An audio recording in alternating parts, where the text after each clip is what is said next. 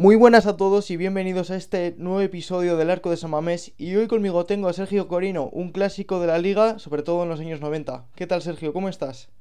Hola, buenas. ¿Cómo lo llevas después del fútbol?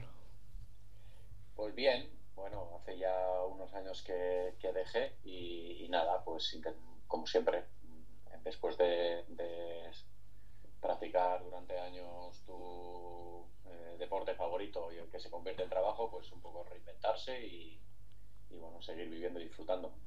Si te parece, vamos a empezar hablando de tu paso por Lezama. ¿Cómo lo ves?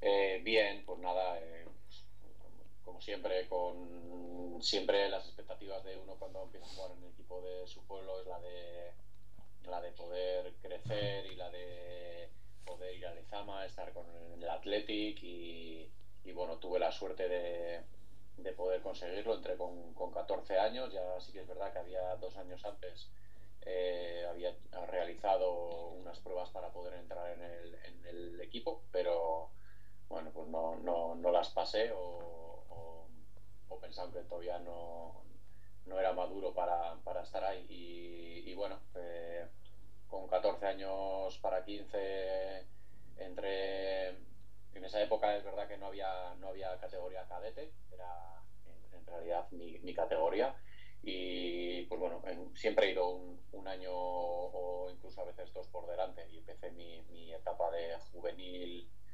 eh, de, primer año y, y bueno pues para, para mí era evidentemente un sueño vestir esa camiseta. Cuando entraste por, a Lezama con 14 años, ¿pensabas que ibas a llegar tan alto o pensaste en disfrutar la oportunidad como tantos otros niños y sin más, sin darle demasiada importancia? Pues la verdad que mi vida siempre ha estado alrededor del fútbol y, bueno, pues yo tenía claro que quería ser futbolista. Me imagino que como todos los niños de la edad y todos los niños que estamos en Lezama. Pero bueno, yo mi expectativa era eh, jugar, en el, jugar en el Athletic. Tenía claro lo que quería, evidentemente, pues como muchos que, estábamos ahí y muchos que están en este momento. Y luego, pues las circunstancias te hacen llegar o, no llegar. El nivel de exigencia es, muy alto y, evidentemente eh, hay, una criba muy importante cada año que era que bueno era, que era muy potente y, y bueno, pues eh, cada año iba, iba quemando etapas, eh, dando pasos eh, firmes e importantes y, y, bueno, pues ir escalando en, en, las categorías. ¿Se te hizo dura la exigencia de primeras cuando entras y quizá dar ese paso de ser más exigente y que se lo tomen de una manera más profesional, dejando de ser ya un juego de niños, digamos entre comillas, ¿se te hizo duro ese paso o te almoldaste bien? A mí lo que se, se me hizo duro es que yo venía, evidentemente, venía de, de Zaya, de mi club, de, de, no sé, es que en ese momento en Zaya no sé ni qué categoría estaba, si te digo la verdad, porque cuando estás en el, en, en, en el equipo de tu, de tu, pueblo lo que quieres es disfrutar, estar con tus amigos eh, y demás. Eh, claro, llegas allí eh, a la máxima, relativamente a la máxima categoría juvenil, juegas ya contra equipos muy potentes, ya no de Vizcaya, sino fuera. Y me costó un poco el hecho de que, de que yo en aquella época jugaba de medio centro y, verdaderamente no daba, no daba el nivel para jugar ahí. Y bueno, con el que yo creo que fue eh, una de las personas más importantes en mi carrera, que fue Andorte de Onigoico, que en cuanto me vio, eh, bueno, pues me, encontré que, que, tenía muchas y buenas cualidades para poder jugar de central y que, y que él me enseñaría. Con los años todavía lo recordamos porque nos solemos ver, es, un, es muy buen amigo mío y, y, y, bueno, él relativamente más o menos me, me enseñó todo. Así que bueno, esa reconversión me hizo, me hizo llegar a la élite. Si no, si no hubiera estado él, posiblemente no sé si hubiera estado o no, o alguien hubiera visto las mismas cualidades que, que veía él, pero seguro que hubiera sido de otra manera. Que te diga es una persona como Andonigo y Coechea, que es, bueno, fue un central top de élite, se te tienen que poner los pelos de punta, ¿no? con 15 años que has visto a, eh, has visto a tus ídolos por la tele y un día le, tienes de entrenador y dices, Buah, es que, vamos, yo como si me quieres poner de portero. Bueno, al principio, pues claro, se te hace un poco, estás aquí acostumbrado a estar, como te comentaba antes, con la gente de tu entorno y cuando llegas allí, pues te das cuenta de la profesionalidad que hay en todos los sentidos. Eh, pues bueno, en ese momento toda la gente que gestionaba Lezama, eh, Iñaki Saez, Chucharanguren, Coldo Aguirre han sido mitos en el Athletic. Estaban Manu Sarabia, estaban Doni Goico, eh, o sea, estaba gente que todos habíamos visto en nuestra época por la tele. Y, bueno, pues al principio evidentemente pues eh, te choca, pero bueno, te hacen sentir como, como uno más, eh, quiero decir sobre todo eh, los entrenadores. Luego a nivel dentro del vestuario, pues, pues bueno, las miradas son diferentes porque nadie me conocía, evidentemente nadie igual incluso había jugado contra el equipo de mi pueblo, en este caso el Zaya, nadie me conocía y, el hecho de llegar y, encontrarme en este caso, que cuando empecé a jugar de central fue muy rápido, no, no, no creo que fueron más de dos partidos de pretemporada. Eh, mi pareja de central era el capitán del juvenil, era internacional en todas las categorías y bueno, por las miradas reticentes de tú sabes dónde juegas y con quién va a ser tu compañero eh, o bueno, ya no compañero de equipo que también, sino con el que vas a competir. Pues, pues, pues bueno, era claro, estaba, llevaba años desde pequeñito, desde los 10 años en Ezama, como te comentaba, era el capitán del equipo y, y bueno, pues era un jugador, aunque en esas categorías, pues no sé si decirlo así, pero era, era respetado y tuve que tuve que pelearme con él para demostrar día a día que con él y con mis otros compañeros, evidentemente, para poder eh, demostrar que yo, que yo quería jugar ahí. ¿Se puede desvelar quién era o es secreto de sumario? No, que va, se, se, llamaba, se llama Peña y, y Oscar Peña, es muy amigo mío, y bueno, pues eh, él, pues, por suerte o desgracia, pues por, como siempre pasa en este tipo de situaciones del fútbol profesional, pues no, no creo que llegó a Bilbao Athletic en segunda A, no creo que jugó, creo que no jugó mucho, pero bueno, sigue, sigue siendo un amigo mío de, de, esa época y el hecho pues, bueno, de, de, poder aprender y de poder competir contra él, que en ese momento te digo, era capitán de la selección española, capitán del Athletic y demás, pues bueno, te hace, bueno, te hace dar un plus, un plus más. Si quieres estar a, la altura, eh, se le veía él directamente que dice, si tú quieres pelear aquí y estar aquí, pues tienes que pasar por encima de mí. Y al final esto eh, yo siempre me lo he tomado de una manera... Eh, mi padre me inculcó que, que había que dar el 100% y que si quería ser profesional, eh, había que tomarse profesional con, con esa edad.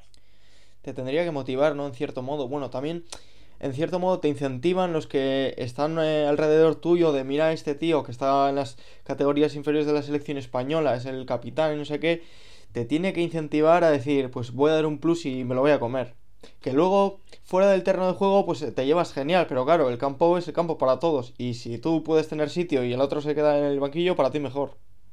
Evidentemente, eso es una lucha. Al final solíamos jugar en principio él y yo, luego, luego creo que fue un año después llegó Oscar Vales y jugamos, éramos la pareja de centrales hasta no al primer equipo porque yo me lesioné antes de debutar, él debutó antes que yo porque tuve una lesión de me rompí el dedo eh, del pie y o sea, jugamos, eh, al final llega yo un momento que éramos la pareja de centrales, yo subí antes al Atleti de segunda A, luego subió Oscar jugábamos casi siempre juntos, luego cambió de posición al medio campo, pero bueno, eh, ya te digo, yo en mi casa mi padre vio mi, las, mis posibilidades y, me inculcó que si quería vivir de esto eh, eh, había que trabajar de, esta manera y tomármelo de una manera lo más profesional posible, aunque tuviera 15 años. ¿Cuál ha sido la etapa en Lezama que más has disfrutado? Pues bueno, evidentemente cuando llegas a Lezama yo recuerdo que hasta olía diferente. O sea, las instalaciones, los campos, entrenar todos los días en esos campos de hierba era espectacular. Aquí los ojos como platos, ¿no? Yo había jugado, yo había jugado en campo de jugábamos en campos de tierra y llegué allí y era todo campos de césped, todos los campos donde jugábamos era todo perfecto, todos estaban cuidados perfectamente, eh, todos vestíamos igual. Eh, o sea, te parecía, te parecía otro mundo. Pues bueno, disfrutar, es que, no sé, disfrutar, pues es que a mí me gustaba competir y si a eso le llamo disfrutar, pues, pues, disfrutaba desde el primer día que te ponías la camiseta. Evidentemente, pues siempre hay momentos en que, que son más especiales, pues, pues no sé, el primer año que, que yo estaba en verano en, en, Zaya con mis amigos viendo el campeonato de fútbol de la plaza. Sí. Y me llamaron para decirme que iba con el Bilbao Athletic en segunda A. Eh, me quedaban todavía 20 días de vacaciones y me dijeron, la semana que viene te tienes que incorporar con el Bilbao Athletic. Claro, yo decía, pero si estoy aquí con unas chancletas y con mis amigos comiéndome unas pipas. Pues, pues bueno, eso fue un momento evidentemente importante porque, porque ya eres profesional. O te, te van a tratar o te tienes que ganar que eres un profesional. Y luego, evidentemente, pues el, el hecho de pues bueno, debutar en el primer equipo, jugar ya en el primer equipo, ser parte del, del del Athletic y luego ya, pues bueno, pues el hecho de, de haber estado en seis equipos en primera, haber jugado una Olimpiada o, o final de un Mundialito Sub-17 o final de una Eurocopa de, selecciones, pues bueno, todo, todo es bonito. Cuando estás en ese metido en esa vorágine, pues igual tampoco le das mucha importancia a las cosas, pero cuando estás fuera, pues te das cuenta de, de, que, bueno, pues de que, de que has vivido todo eso, que es que súper, súper bonito. Quizás es hasta demasiado para un juvenil vivir ciertas cosas como el... Al final juegas un mundialito sub-17 que se está retransmitiendo por todo el mundo, que no deja de ser un mundial de gente de categoría juvenil, pero que te están mirando eh, millones de personas, te están mirando directores deportivos. ¿Cómo se maneja esa presión para un chaval pues, de, de 17, 18 años que va a jugar un mundialito?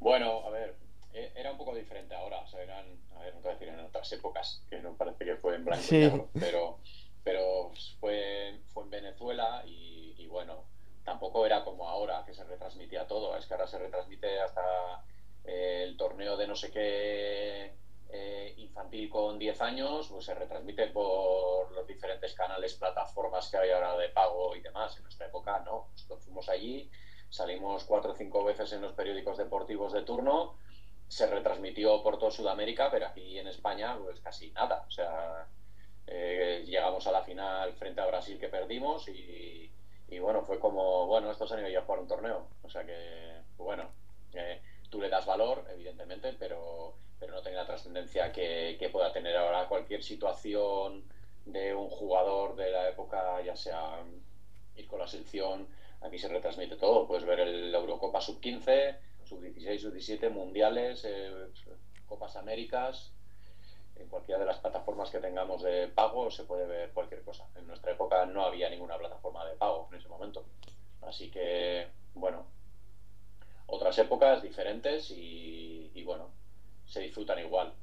Menos mediáticas, menos... Eh, menos eh, alteradas en el sentido de, de que, bueno, pues que, que, había gente viéndote, gente, otros, otros equipos, otros clubes, solo cualquier cosa. Sí, porque todos mandan en cualquier momento, pues, eh, dentro de empresas de representación o, o, o, dirección deportiva de los clubes siempre están pendientes, pero bueno, tampoco, ya te digo, en aquella época tampoco era tan exagerado como ahora que vas a Lezama y hay eh, la mitad de la grada son padres y la mitad de la grada son representantes que intentan cazar a jugadores todavía de 10 años.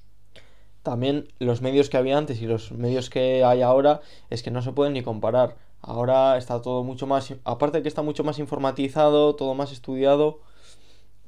¿Coincidiste en aquel mundialito con algún jugador que vieses y dijeses de la misma, este tío va a llegar muy alto, es buenísimo? Me imagino que habría unos cuantos que dijeses, seguramente llegue, pero alguno que destaque en especial sobre el resto.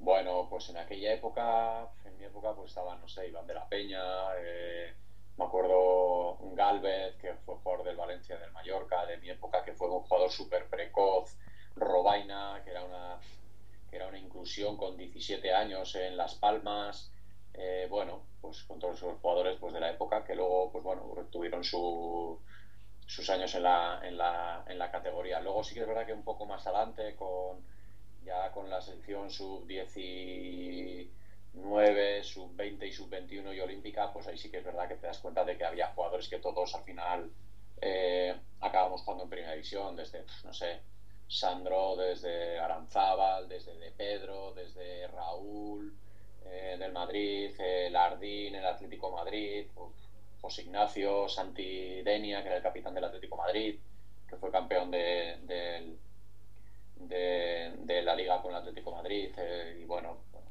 ya en aquella época te das cuenta de que, de que todos son jugadores de primer nivel. Volviendo momentáneamente al Bro Athletic, ¿Cómo se te hace dar ese salto al fútbol profesional? Ojo, no estoy hablando del primer equipo, estoy hablando de dar el salto a segunda división. ¿Se te hace complicado? ¿Te moldas bien? ¿Te ves seguro y sobrio? Pues mira, mi primer partido fue contra el Murcia. Y, la verdad que, bueno, jugué, me acuerdo que yo tendría 18 recién cumplidos. 17 para 18. Y, y, me acuerdo que fue contra un mítico delantero llamado Rosagro que me dio, me dio codazos hasta en el cielo de la boca. Bueno, en esas, en esas categorías eh, no era como ahora, que tampoco había plataformas en que te ponían siete cámaras, o sea, ahí había de todo. Te pisaban, te escupían, te pellizcaban, te hacían de todo y bueno, era el veterano contra un niño que casi no tenía barba y te ponían a prueba, decir, oye, esto es lo que hay, si lo aguantas o te como la tostada y bueno, en ese sentido no, no, había, no había mucho problema. Mi segundo partido, eh, esto es un tema, a ver, te lo hago cronológicamente porque tuve un, es una es, es anécdota. Eh, el segundo partido fue contra el Barça B. El Barça B, que estaba Jordi Cruz, estaba Pique Martín, estaba, bueno, eh, Luis Zembranos, tenían un equipazo. Pues Pablo, Pablo Sanz, que ahora, está, ahora es segundo entrenador de, de Lopetegui era un... En aquella época el Barça en segunda estaba entre los cinco primeros y fue mi segundo partido contra el Atleti y salimos bastante escaldados. Bueno, si menos metieron 4-0 o 5-0, pero bueno, un baño, un baño importante el que evidentemente sufrí. Eh, en este caso sufrimos todos los de atrás, pero bueno, en mi caso sufrí.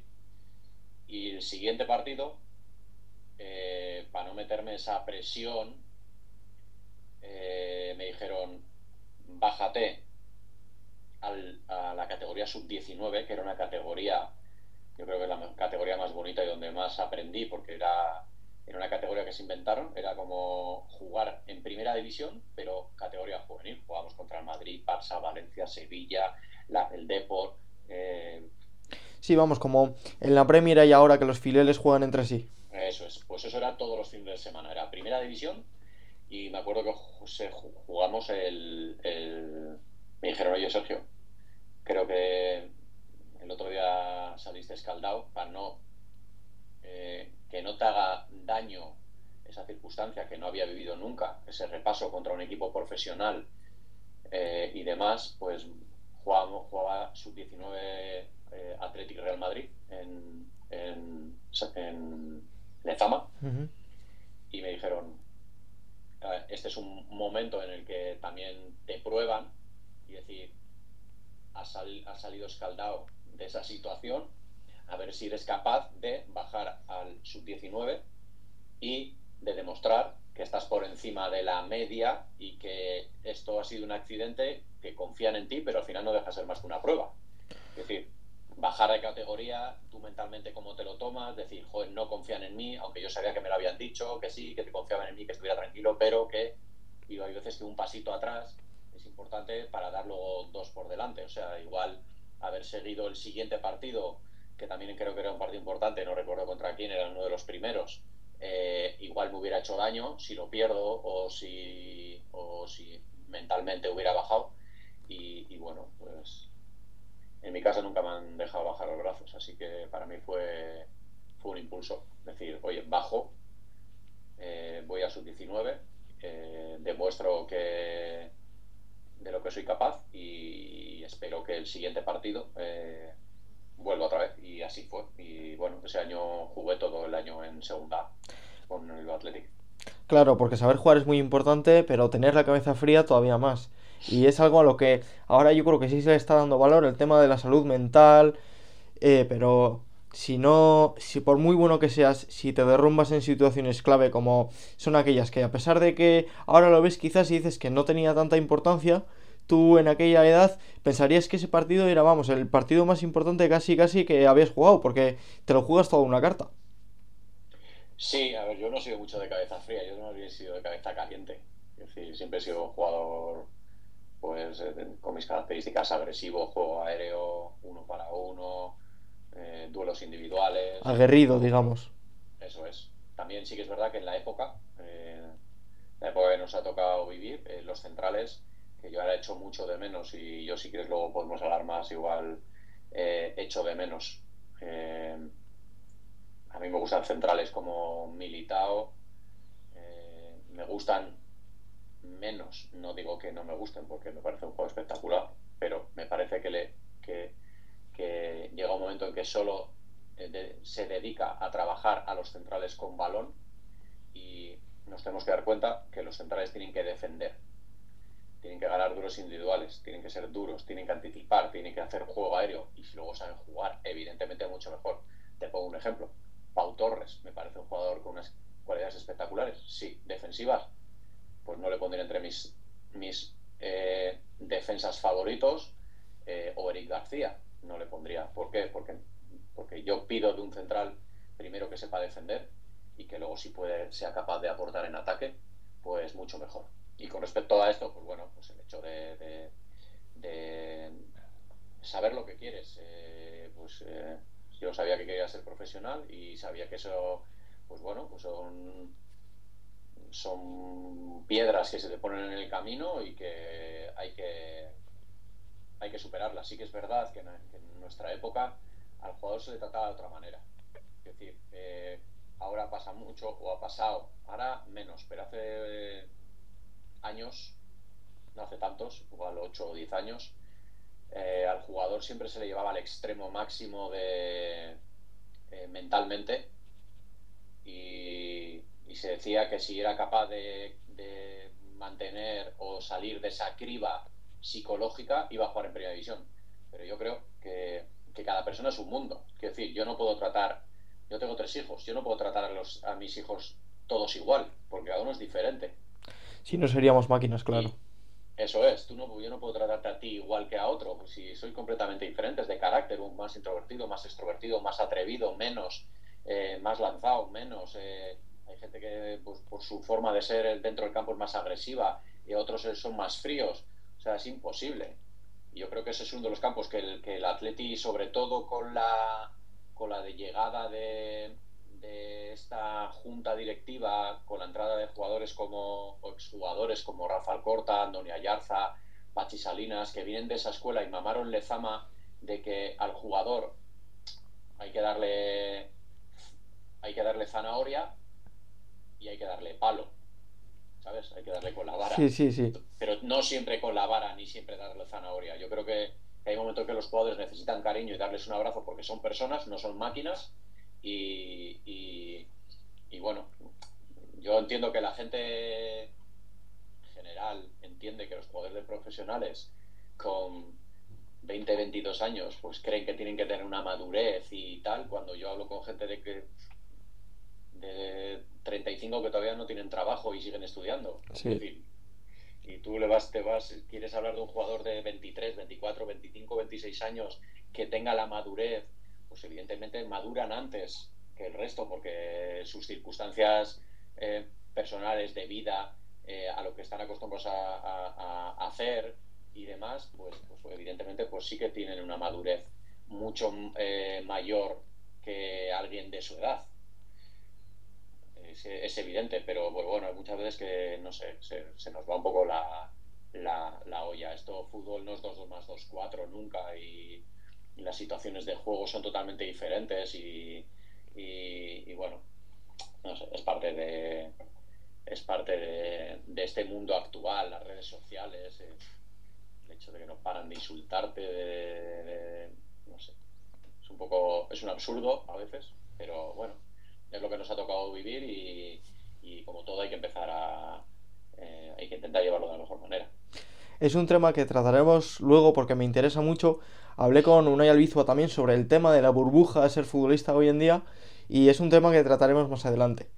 Lo haces bien en el Bilbao Atleti y un día te llaman, si no recuerdo mal, para ir nada más y nada menos que a jugar una eliminatoria de UEFA contra el Newcastle. Sí, yo sí que es verdad que ya llevaba en mi época con Jupp Heynckes ya, ya estaba entrando con el primer equipo y fue yo creo que el año en el que iba a debutar. Y justo antes de... Yo marchaba con la selección sub-18 a una eliminatoria del europeo en Inglaterra, creo que era contra Inglaterra, y salía a entrenar, el día siguiente viajaba con la selección y le pedía a mi entrenador que no, que no ese día que no entrenaba y porque marchábamos muy pronto, tal. Sí, para ir descansado más que nada. Eso es. Y, me dijo, va, tú tranquilo, haz unas carreras, te voy a poner en el rondo completo diferente para que nadie te entre y tal. Y en un giro me rompí el dedo. Me, rompí el, quinto metatarsiano y, y, nada, estuve, no sé, fueron tres meses y medio. Palo durísimo, imagino, ¿no? ¿Eh? Un palo durísimo. Sí, porque en ese momento también estaba con la selección, estaba entrando habitualmente, para eh, ese año también era el europeo y que estaba yendo y el hecho de que, de que estaba con el primer, entre, eh, primer equipo y tenía posibilidades de debutar. Por te decía, las consecuencias de eso es que un compañero como Oscar Vales, que jugábamos los dos casi en la misma posición, pues él debutó un año antes que yo. Y ese año pues estuve con... me acabé de, recuperar y, y, ya estaba, ya entrenaba con el primer equipo. Ya empezó la pretemporada con el primer equipo yo también jugaba con el segunda y, y bueno, luego debuté con debuté con, con el Athletic. Imagino que ya la cosa cambia, porque sí que vas escalando poco a poco, pero el día que llegas al primer equipo y tienes que entrar en el vestuario para cambiarte, te empezarán a temblar un poco las piernas. A ver, a ver, no, en el primer equipo eh, la gente era súper maja, la diferencia igual de otros clubs es que ellos nos veíamos, estábamos el vestuario del Athletic estaba pegado del primer equipo, los veíamos, te saludaban, no sé qué, eh, había buen rollo, ya es cuando subías a entrenar, eh, yo qué sé, yo en principio empecé subiendo un día a la semana, después fueron dos, después fueron tres, después fueron cuatro y luego el fin de semana bajaba con el Athletic el lunes em, empezaba otra vez con el primer equipo y ya era una dinámica que era prácticamente el primer equipo y, llegó un momento que ahí sí que es verdad que yo noté que, que no, no, me encontraba bien. O sea, yo tenía la idea, la ilusión y, y, y, yo me veía en el primer equipo, por decirlo así, y, yo a mí me costaba bajar otra vez con el Athletic. Me costaba, yo estaba en dinámica del primer equipo y para mí eh, luego tuve una época que también pues eh, tenía varios equipos en esa época de primera que me querían como cedido y demás y, bueno, antes de irme y yo quería dar el salto. Y, bueno, eh, pasé ahí una racha regulín mentalmente, o sea, quiero decir, por lo que te decía, el cambio de estar arriba y abajo, te, ves en dinámica diaria del primer equipo y... Sí, piensas que está todo, piensas que está todo hecho y al final... Pues... no está todo hecho, pero quiere salir de ahí porque, porque, porque cuesta mucho entrar. el tren solo pasa una vez. ¿Eh? El tren solo pasa una vez. Eso es, y yo quería estar 100% y yo quería aprovechar cualquier oportunidad para, para estar ahí. Y bueno, se dio el debut y, y fenomenal. Y, bueno, pues eh, ese año ya estuve, ya estuve completo con el primer equipo, luego estuve también Luego fui a la eliminatoria de siguiente eliminatoria contra el Parma y, bueno, eh, y luego ya, estaba, ya estuve en dinámica de primer equipo. Jugaste un total de 19 partidos con una salida al Mérida entre medias. ¿Se te hizo duro marchar de casa? Imagino que sí. Pues digo la verdad es que no. no, porque yo quería jugar. Yo me veía que en el primer equipo eh, pues, pues bueno, eh, evidentemente eh, había jugadores de, y a nivel internacional es la Reinzar, estaba General Inua, estaba vinieron varios, o sea, había jugadores de primer nivel y que yo fundamentalmente una de, mis cualidades era la, ambición de querer ser jugador de primera división. Yo quería jugar en Athletic, pero si veía que no tenía oportunidad, eh, tuve varias ofertas, no sé, tipo como el Betis y, y demás, Tenerife, que en aquella época era muy buen equipo, que estaba pues en la época de, creo que estaba Baltano.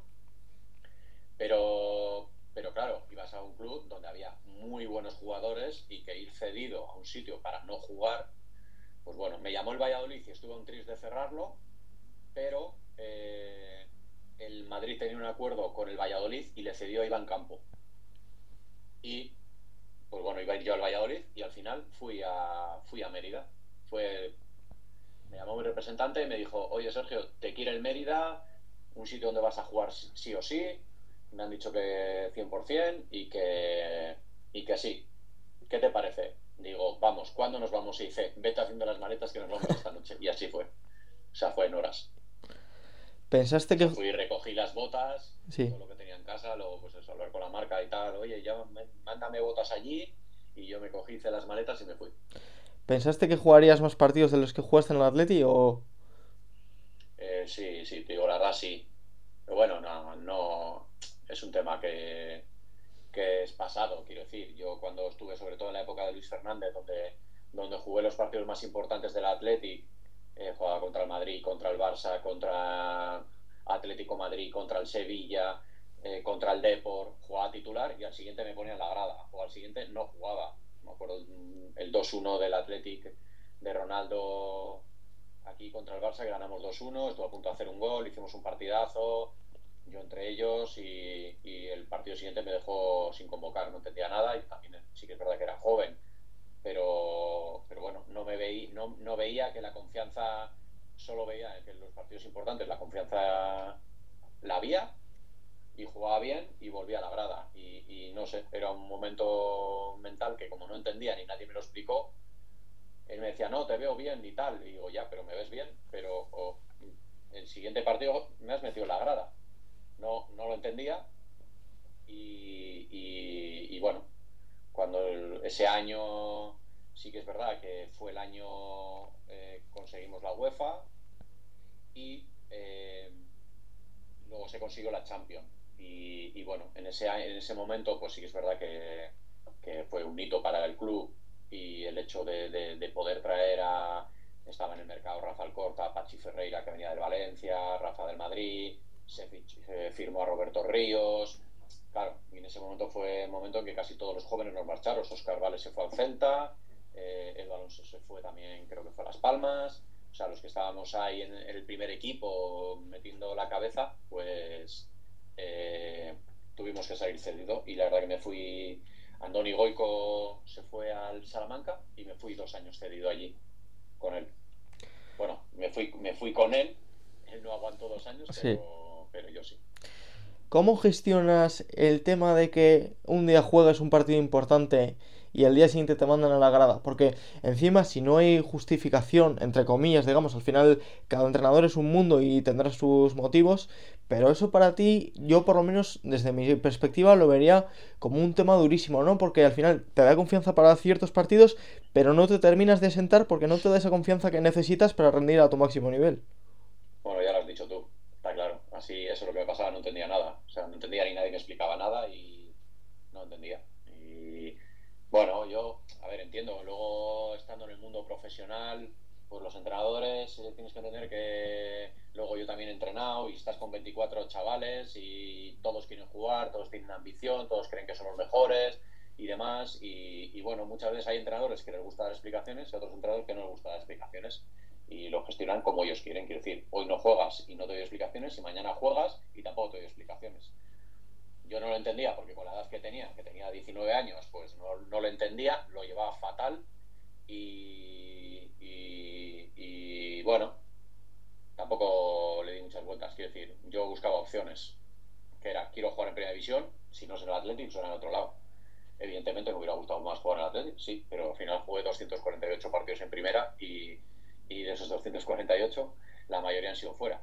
Así que bueno, orgulloso de lo que hice y, y, ya está, no le doy más, no le doy más vueltas. En esas circunstancias y con la edad que tienes, pues no entiendes, salvo que te explique alguien, pero como no, no se explicaba, pues es parte, yo lo entendí como con el tiempo, lo entendí como parte de, del aprendizaje del fútbol profesional. El fútbol profesional es eso. Hay 23, 24 jugadores, 22, se hace un equipo, 11 juegan, 11 fuera. Y eso es una guerra. Cuando estás aquí en Lezama, pues lo ves de otra manera, porque, porque las mamado de pequeño, el buen ambiente que hay con el primer equipo, todos están juntos, todos llegamos de la, de la cantera, salvo raras excepciones que había 4 o 5 fichajes.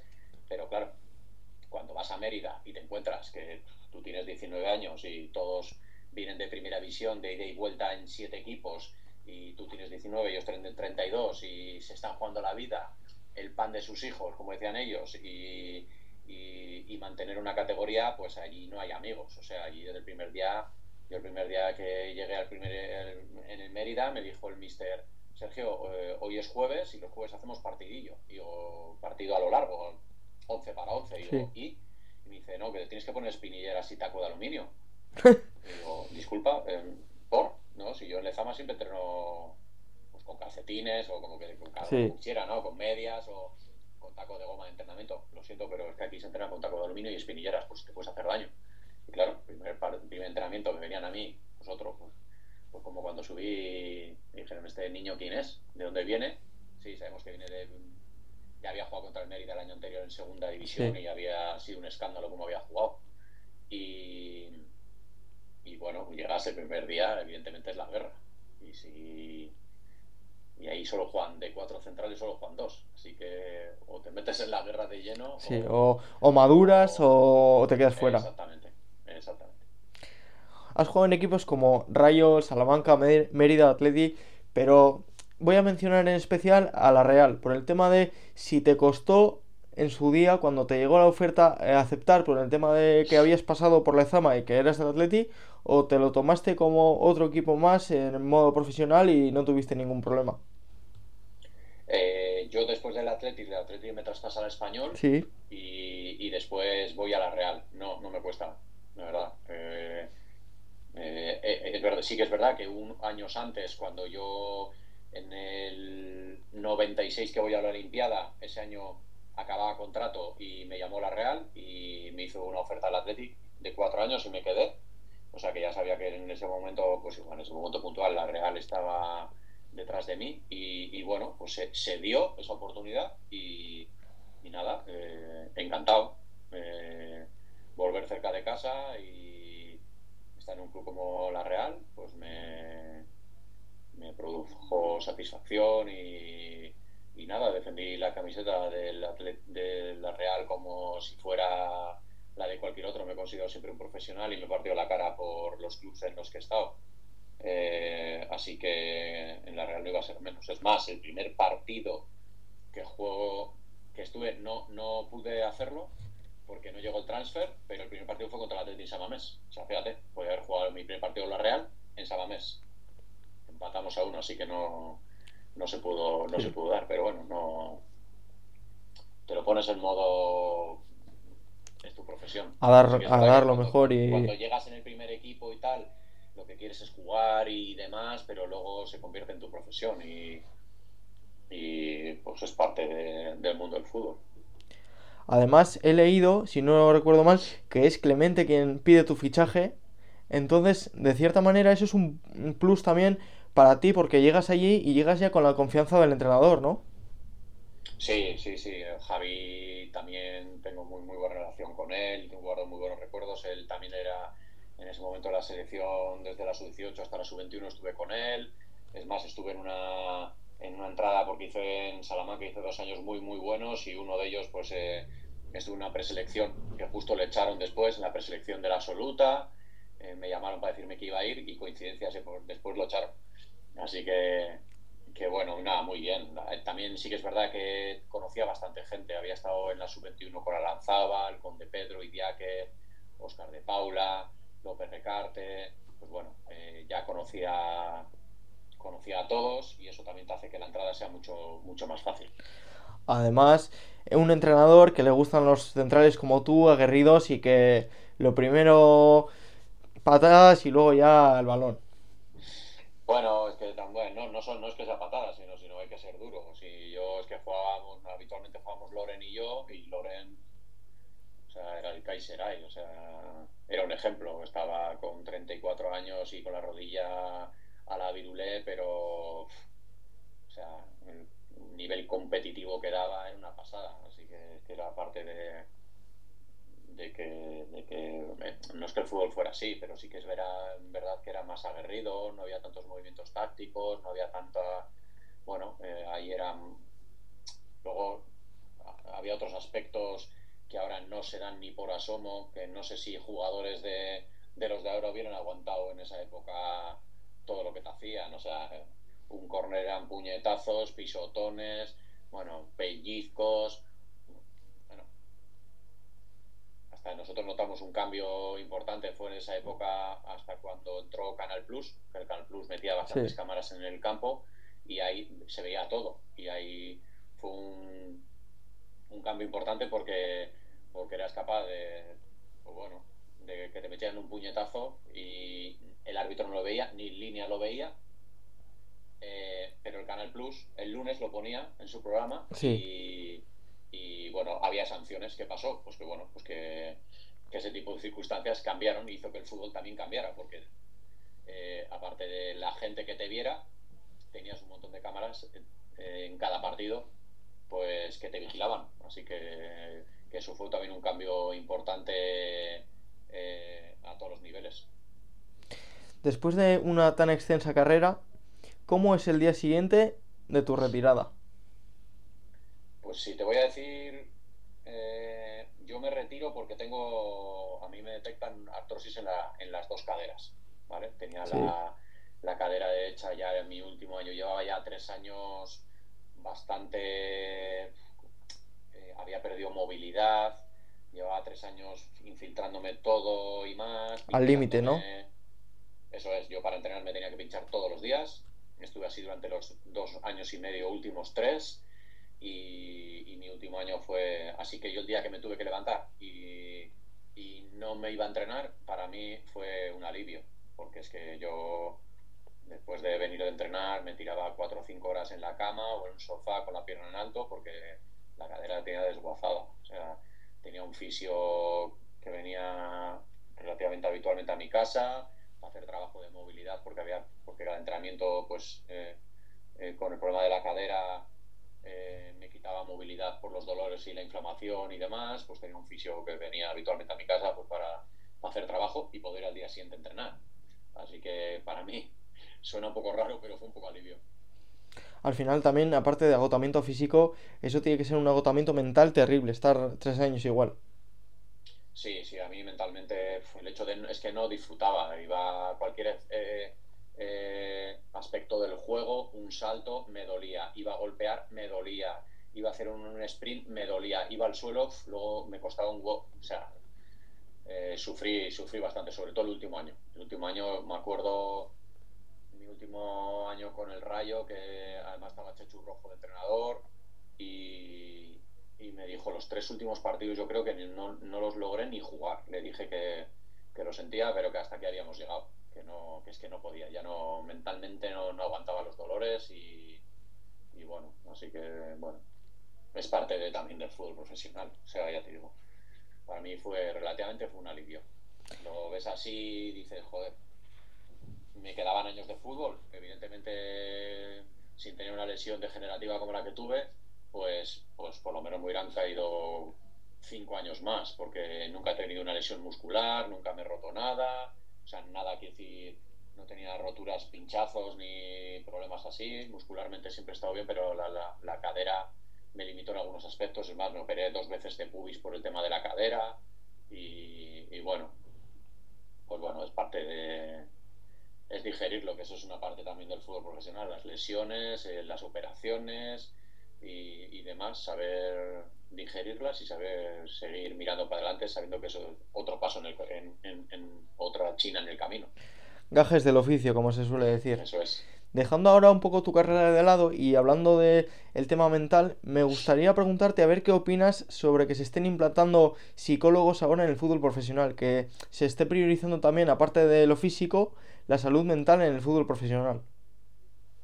Hombre, es fundamental. Yo tuve la suerte de que en mis dos últimos años en el Rayo, pues que, estaba recién llegado eh, ese aspecto en el, fútbol profesional. Tuvimos un psicólogo deportivo que, venía del Valencia, muy reputado, que venía también, también de la selección de, de voleibol y demás, de la selección española, y la verdad que la experiencia fue muy buena, muy, muy, muy buena.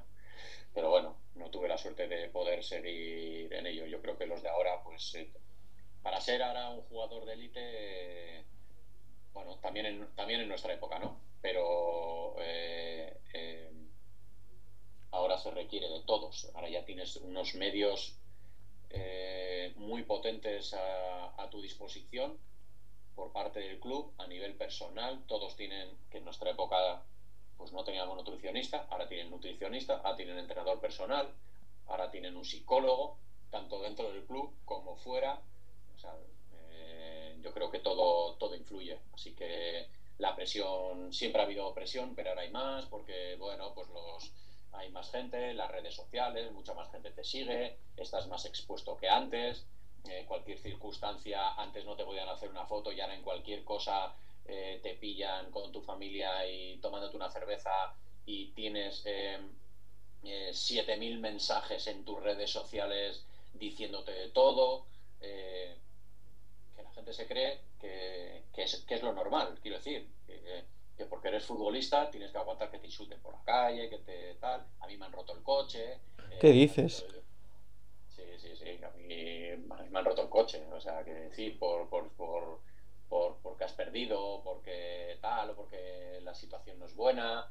Nadie sabe lo que las circunstancias. A mí en, el, en Rayo Vallecano, pues tuvieron ocho meses sin pagarnos. Había gente que acaba de subir al primer equipo del Rayo, chavales jóvenes, que habían puesto mucha ilusión en su contrato para comprarse un piso y emanciparse y tal, y estaban jodidos y no podían pagar su casa y, y habían, incluso nosotros les tuvimos que ayudar. O sea, que decir, la gente solo ve lo bonito de esta situación.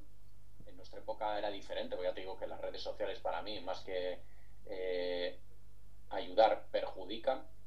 Por no, eh, el medio es bueno, pero cómo se utilizan no creo que, que, que es, que esté bien. Quiero decir, esta charla es positiva y, es bonita y contar cada uno su opinión y lo que piensa y lo que ha vivido está bien, pero yo me quité de Twitter hace, eh, pues no sé, hace un año eh, porque si hacías un comentario es que era un corporativista, es que eres un no sé qué, es que quieres estar en Lezama porque me han dicho que estás todo el día en Lezama y quieres ser entrenador del Atleti. Yo hace siete años que no paso por Lezama, quiero decir, llega un momento en que dices, es que es, necesario vivir esta situación, te quitas de las redes sociales y en este caso pues la gente que está ahí metida, pues el tema psicológico evidentemente eh, es súper importante y más, yo creo que más que antes.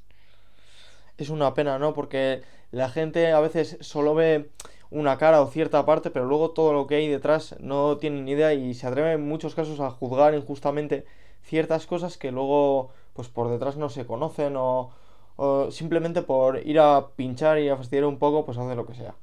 Sí, a ver, evidentemente cada uno quiere ver lo que quiere ver, quiere ver lo bonito del fútbol, lo bonito de que al jugador lo que cobra, los coches que llevan, dónde se va de vacaciones, si va en un jet privado o no va en un jet privado, si la marca deportiva X le manda con las últimas botas no sé cuántos, pero nadie ve lo que hay detrás. Es decir, yo cuando tenía 14 años, mi padre me iba a casa a buscar a las 9 de la noche y mis amigos se tiraban hasta las 11 y media.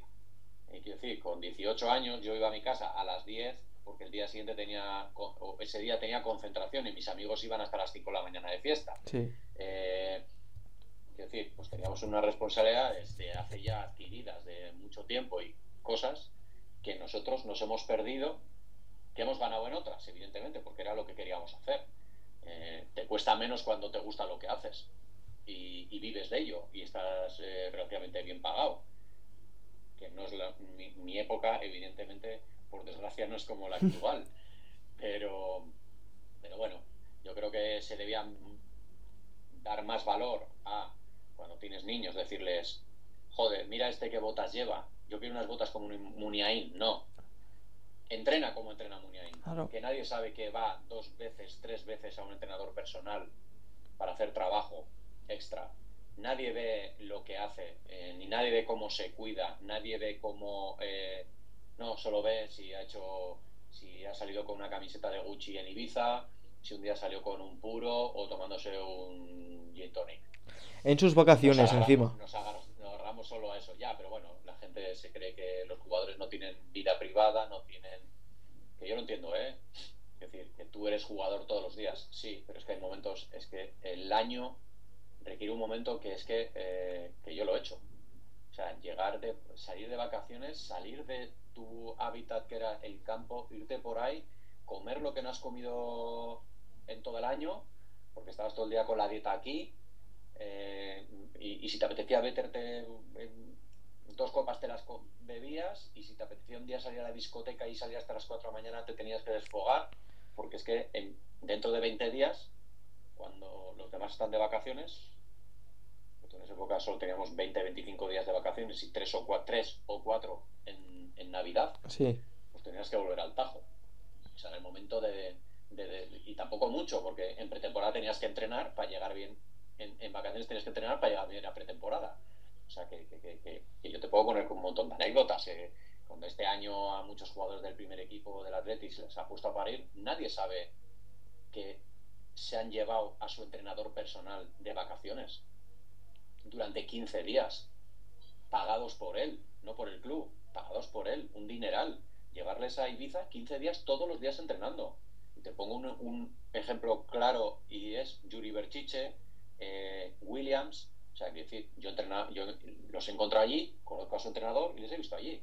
O sea, quiero decir que eso la gente no valora, solo valora que está en un sitio guay, tomándose con una cerveza con sus, con, sus amigos o con su familia, eh, con una camisa de marca. Pero bueno, a ver, que es parte de esto, es un poco anécdota, ¿no? Pero que que ni tampoco quiero cambiar la visión de nada a nadie, sino que también, pues también hay que entender a la gente, quiero decir.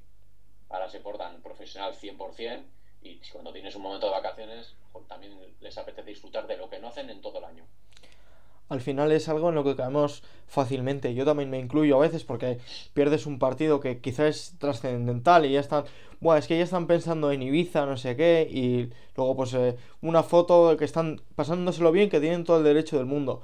Y la gente, y me vuelvo a decir que yo me incluyo, quizás da no cierta rabia, pero piensas como que no lo han dado todo y no sabes todo lo que hay detrás. Esto que me comentabas del preparador físico, que eso no lo sabe nadie y que al final es una cosa con la que tienen que lidiar ellos esas críticas cuando por detrás están trabajando mucho más de lo que se dice. Sí, bueno, yo, yo lo entiendo. Al final también esto es un tema de pasión. Quiero decir, el atleti eh, es un tema muy pasional, lo llevamos muy dentro y, y, para muchos es, es una religión y bueno, pues como hay mucho fervor y, demás, pues la gente pues, pues, se lo toma como si le fuera la vida en ello. Y, y, lo que no se dan cuenta, que los más perjudicados, tú hoy eh, se, pierde el otro día contra el Valencia, y tú puedes ir mal a casa, pero que te voy a decir, el que realmente se va jodido es él. Sí, sí, sí. Porque es que es su carrera deportiva, su oportunidad de llegar a una final. Eh, ya no solo hablamos de, es que lo podemos englobar todo, a nivel de imagen, económico, eh, en todos los sentidos, todos sales perjudicados, algo perjudicado el jugador, más que tú, tú te lo llevas a casa y demás, porque tú eres un ferviente seguidor del Athletic, pero, pero bueno, al final su vida es él, y el que deja, el que hemos dejado o hemos dejado horas de dormir por hacer una cagada en el partido y perder un partido por sabiendo que ha sido culpa tuya es toda la noche sin dormir y estar jodido toda la semana esperando a ver si el mister te da la oportunidad de poder darle la vuelta a la situación en el partido siguiente. O sea, eh, explicarlo es fácil, pero yo siempre digo lo mismo y es un ejemplo que siempre digo, dos más dos nunca son cuatro. O sea, yo he vivido situaciones de ir rodado, las cosas salen fluidas, entrenando eh, regular, porque mentalmente estás bien y cualquier cosa que hagas sale. En los momentos malos te cuidas más, no sales, entrenas mucho mejor, metes más horas, etc, etc, y pierdes. Dices tú, pero ¿esto por qué es? Porque esto es fútbol. O sea, eh, ayer el Madrid, perdiendo 0-2 en la eliminatoria, recibiendo un baño en el primer tiempo, ¿quién se explica que le da la vuelta en media hora y le pasa por encima como si fuera un torbellino a un equipazo como con tres super mega estrellas del Paris Saint Germain. ¿Lo entiende alguien? No. No, pues esto es fútbol. Pues... Yo creo que ahí también está el secreto, la magia de este deporte, ¿no? Que en cuestión de segundos puede cambiar todo y, pues, por ejemplo, el partido de ayer o muchas cosas. Y para acabar, me gustaría preguntarte sobre los centrales del Atleti. ¿Cuál es tu favorito actualmente y cuál piensas que no está en el primer equipo, que es un tapao que puede dar la campanada próximamente? No sé, campanada eh, no, no, no lo tengo claro.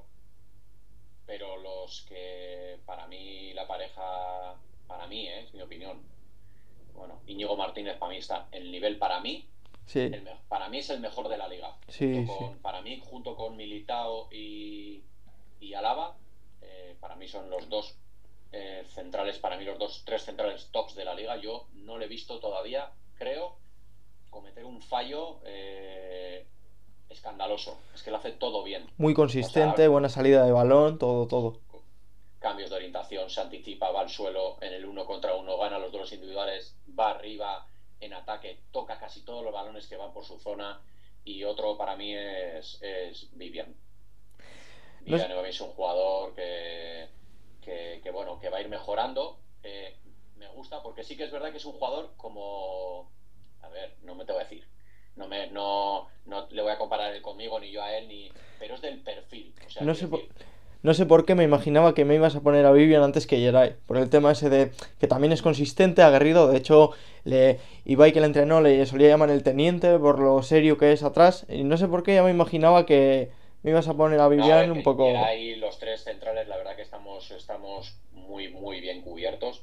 Pero bueno, a mí me parece un central que con la altura que tiene puede dar un plus más que Geray. Es muy rápido. Eh, mantiene muy bien su espacio. Mucho carácter, que es muy importante. Tiene carácter, tiene buen juego aéreo. Con el balón, pues creo que va a ir progresando. Eh, eh, tiene un buen juego aéreo tanto en, su área como en el área rival anticipa, eh, a mí tiene menos lagunas que Geray. Y, bueno, a mí el único por poner eh, una pega es, una pega, por decirlo de alguna manera, es una Núñez. Creo que, se ha estancado un poco quizás, ¿no? Eh, sí, sí, sí. Yo creo que yo creo que necesita un cambio, en mi opinión necesita un cambio porque yo creo que aquí, primero, ya, como se suele decir en el argot nuestro, es ya se le ha cogido la matrícula. Sí, sí, sí. Es un jugador que ya cada vez que sale hay run run, eso el jugador lo nota y en San Mamés se nota muchísimo. En nuestra época cuando había, cuando alguien cogía el balón y de repente la gente no confía en él, está toda la grada como se oye un, hoy madre, aquí pasa algo y, no pasa nada. Y, y, es una pena porque a mí me parece que es uno de los jugadores con mejores condiciones del Atleti. Pero creo que, yo lo conozco desde muy pequeño. O sea, yo lo he visto con la selección de Euskadi sub-16. Sí. Y le he visto, y a mí me parece, es una opinión personal y puede ser una crítica en este caso al club, porque tiene unas condiciones tan impresionantes con esa edad que él cometía fallos que nadie le ha corregido. Él era capaz de, tirarte de hacer un control con el pecho en el área pequeña intentar salir jugando, quitársela, pero claro, era tan rápido, tan fuerte, tan veloz, que se daba la vuelta, eh, le metía el brazo y se la quitaba. Es decir, eso en juveniles te vale, en Vasconia te vale, Bilbao Athletic te puede valer, primer equipo no. Primer equipo es un fallo es medio gol y dos fallos es un gol. O sea, él, yo creo que intenta demostrar más, él se tenía que mirar un poquito más en el espejo, más que en el de Íñigo Martínez, en el de sus otros dos compañeros. Sí. Que son yo no me la juego. Íñigo, tú eres el bueno, juégala tú. Juégala por el medio, juégala por abajo, juégala por arriba, cambio de orientación.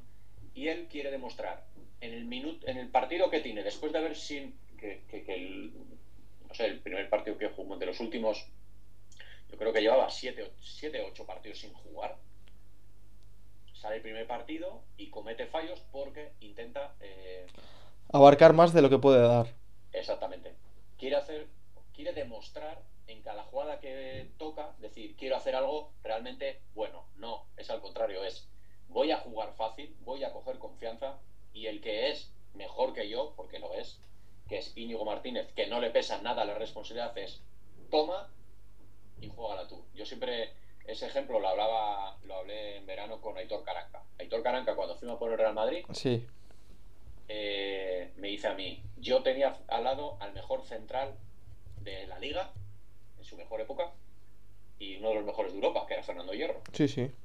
Y decía, ¿tú te crees que yo me voy a poner a jugarla y arriesgarme cuando tengo al mejor de la liga ahí? Decía, tómala y juégala tú. Yo hago mi trabajo que es cubro las espaldas de Roberto Carlos, cubro tus espaldas si tú subes, voy al corte, voy tal, robo, juego fácil y ya está.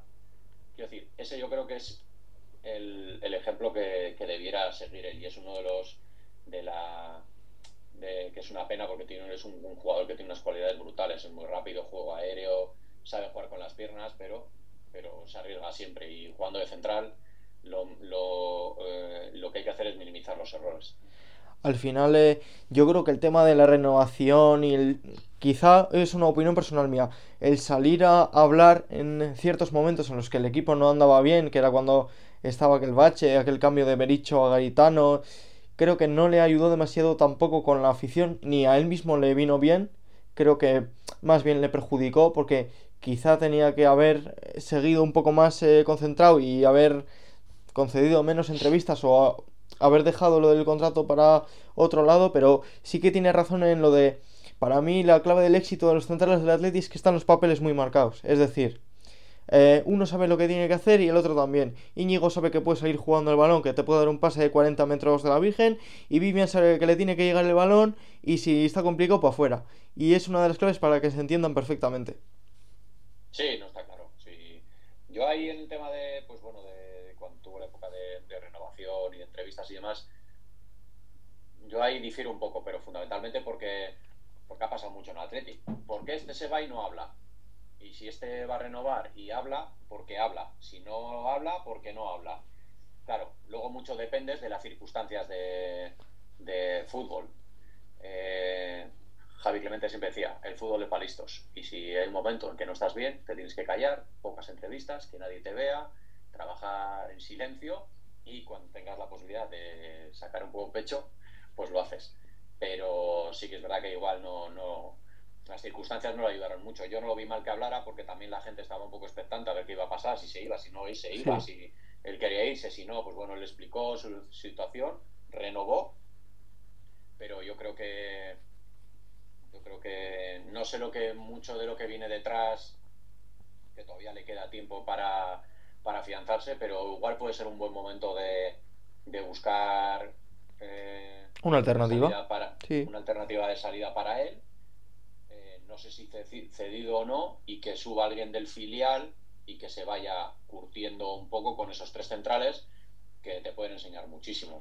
Así que, que ahí es un poco, yo creo que igual la parte más que va a tener que liquidar este año, digo yo, sería él. Si yo fuera él, si yo fuera él, como me tocó a mí decisión o como yo hablé en su momento que hablo en donde trabajo en Onda Vasca, eh, que pasó con Sancet, por ejemplo, es que no se le da bola. Digo, es que si yo fuera jugador como me pasó a mí y no me dan bola y quiero ser jugador, yo me tengo que ir donde sea a demostrarlo.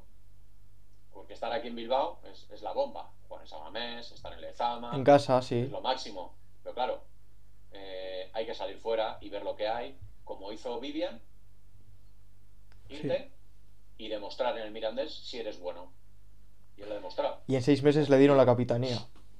Y eso no se regala. En, fútbol profesional a nadie le regalan el brazalete porque eres más alto, más guapo, no. Vivian le dieron el, le, dieron el, el, brazalete, sería por algo, evidentemente. Yo, ahí en ese momento, yo le diría, yo si fuera si estuviera en el entorno de, de Núñez, le diría, creo que es el momento de que des un paso a un lado o des uno para atrás para dar tres para adelante. Si eres capaz de ponerte esto por montera y darle revertir la situación, creo que te va a venir bien. Pero soy yo, no soy una Núñez. Yo creo que un espejo en el que se puede mirar, sí que es cierto que no son las mismas ligas ni las mismas situaciones, pero yo creo que un espejo en el que se puede mirar es en el de Íñigo Córdoba, que vale que ha ido a Holanda, que quizás es una liga menor, pero supo dar ese paso al lado sabiendo que no tenía sitio en la primera plantilla y ahora la está reventando. De hecho, le han comprado y se queda en Holanda este año. Sí, si no quieres salir de la liga, ahora lo bueno que hay, sí que es verdad que tienes un escaparate mundial. En nuestra época salir de España era imposible eh, a las ligas y fundamentalmente porque solo en aquella época antes de la ley Bosman solo había dos, tres extranjeros. El resto eran todos nacionales. Así que es difícil, pero habiendo oportunidades, seguro que va a tener oportunidades de esto, Liga Inglesa, Italia, ya ha habido clubs que parece que se habían asomado a por lo menos saber que, o qué intenciones tiene el jugador o se habría una oportunidad de... El Valencia mismo le quiso en su día. Eso es, ya le tentó. Así que yo le aconsejaría porque yo creo que le va a venir bien, sobre todo mentalmente. El hecho de que no venir a Samamés y que hay que coger el balón es como uff, uff, uff, eso al jugador, yo creo que más que los silbidos y demás, ese run run que se oye en Samamés que siempre se ha vivido, se notaba desde dentro, eso eh, te crea una incertidumbre muy negativa. Bueno, pues esto ha sido todo. Muchísimas gracias, Sergio. Ha sido para mí un placer hablar contigo. Igualmente. Y a ver si el Atleti acaba bien la temporada y acabamos en Europa. Bueno, oye, partidos quedan suficientes. Eh, la distancia que hay hasta Europa eh, está ahí. Y, el primer partido, yo creo que lo que viene a jugar contra el Betis es un, partido importante. Además, ellos juegan, eh, juegan UEFA y no vendrán muy frescos, o la mayoría, algunos no vendrán muy frescos. Así que puede ser un buen momento de dar un puñetazo encima de la mesa y, y dar ese puntito que te diga estoy al lado de poder conseguir el objetivo. Esperemos que así sea. Un placer, Sergio. Un saludo.